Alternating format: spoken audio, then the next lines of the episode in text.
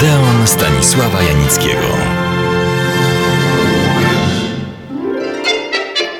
Proponuję Państwu zgadywankę, oczywiście starokinową. Proszę zgadnąć, o jaki dawny, bo z lat 30. film chodzi. Cytować będę fragmenty ówczesnych recenzji filmowych, jakie ukazały się po premierze w polskiej prasie, nie wymieniając rzecz jasna jego tytułu ani odtwórców głównych ról. Zaczynam. Córka właściciela zakładu budowy silników ukończyła studia politechniczne inżynierskie w Paryżu i właśnie wróciła do domu, w którym niby króluje jej ojciec, ów właściciel zakładu budowy, ale tak naprawdę to jego siostra, hrabina. Główna bohaterka tej opowieści to dziewczyna nowoczesna. To dziewczę niekoniecznie goni za ostatnią modą w toaletach, ale za to ma nowoczesne pojęcie życiowe. To znaczy, nie będzie czekało na męża, jak owo dziewczątko, tragikomiczna panna na wydaniu, co to nie śmie nawet kroku zrobić bez opieki. Dziewczę, up to date, chce pracować w swoim zawodzie. Ale nowoczesne dziewczę nie przestaje być kobietą i to stuprocentową. Jak to się ujawnia?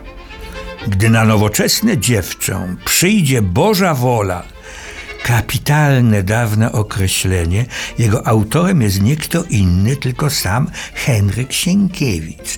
Więc Boża wola wtedy odzywa się w niej, czyli w dziewczęciu, ów wiecznie kobiecy instynkt i może nawet silniej niż dawniej, silniej i śmielej.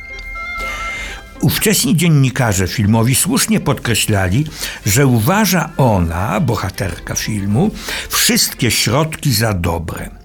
Kolejne, nie dzisiejsze określenie. Otóż sadzi się ona na podstępy, ale tylko po to, aby uzyskać dla siebie tego, którego pokochała. Pod męską koszulą są kobiece piersi, w nich jeszcze bardziej kobiece serce, gdy pożąda to na całego i nie czeka zmiłowania Bożego, a raczej kawalerskiego u mamusi pod Kiecką, lecz sama go sobie zdobywa, wytrwale stawiając czoło piętrzącym się przeszkodom.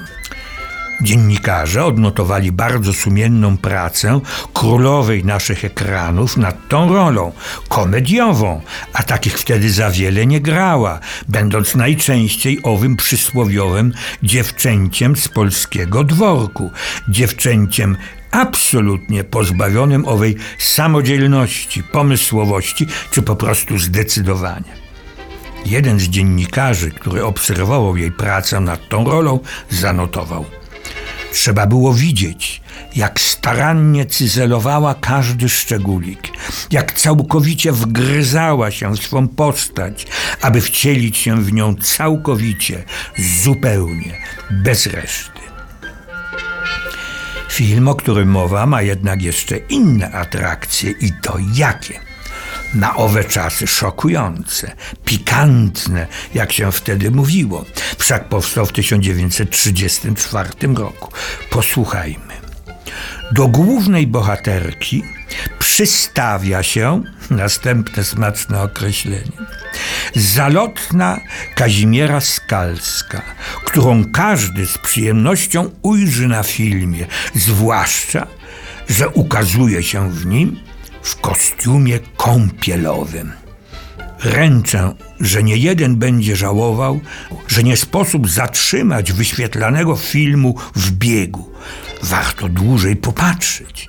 Proszę mi wierzyć, znam się na tym, zapewniał dziennikarz fachowych wiadomości filmowych. Dodajmy jeszcze, że jest ten film niepospolicie śmieszny, że ma prześliczną ilustrację muzyczną Henryka Warsa z koronną przebojową piosenką Jeśli znajdę taką żonę. Film reżyserował Juliusz Gardan.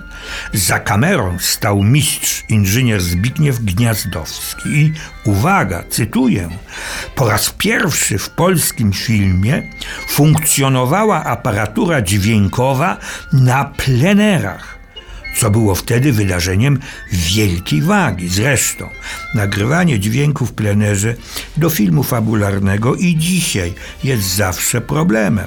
Wiatr, niepożądane dźwięki, przejeżdżające samochody czy pociągi itd. itd. Główne role w tym filmie grają główną bohaterkę Jadwiga Smosarska, głównego bohatera Eugeniusz Bodo, ponadto Mieczysława Ćwiklińska, Zygmunt Chmielewski, Władysław Grabowski. A tytuł filmu? No przecież Państwo wiecie.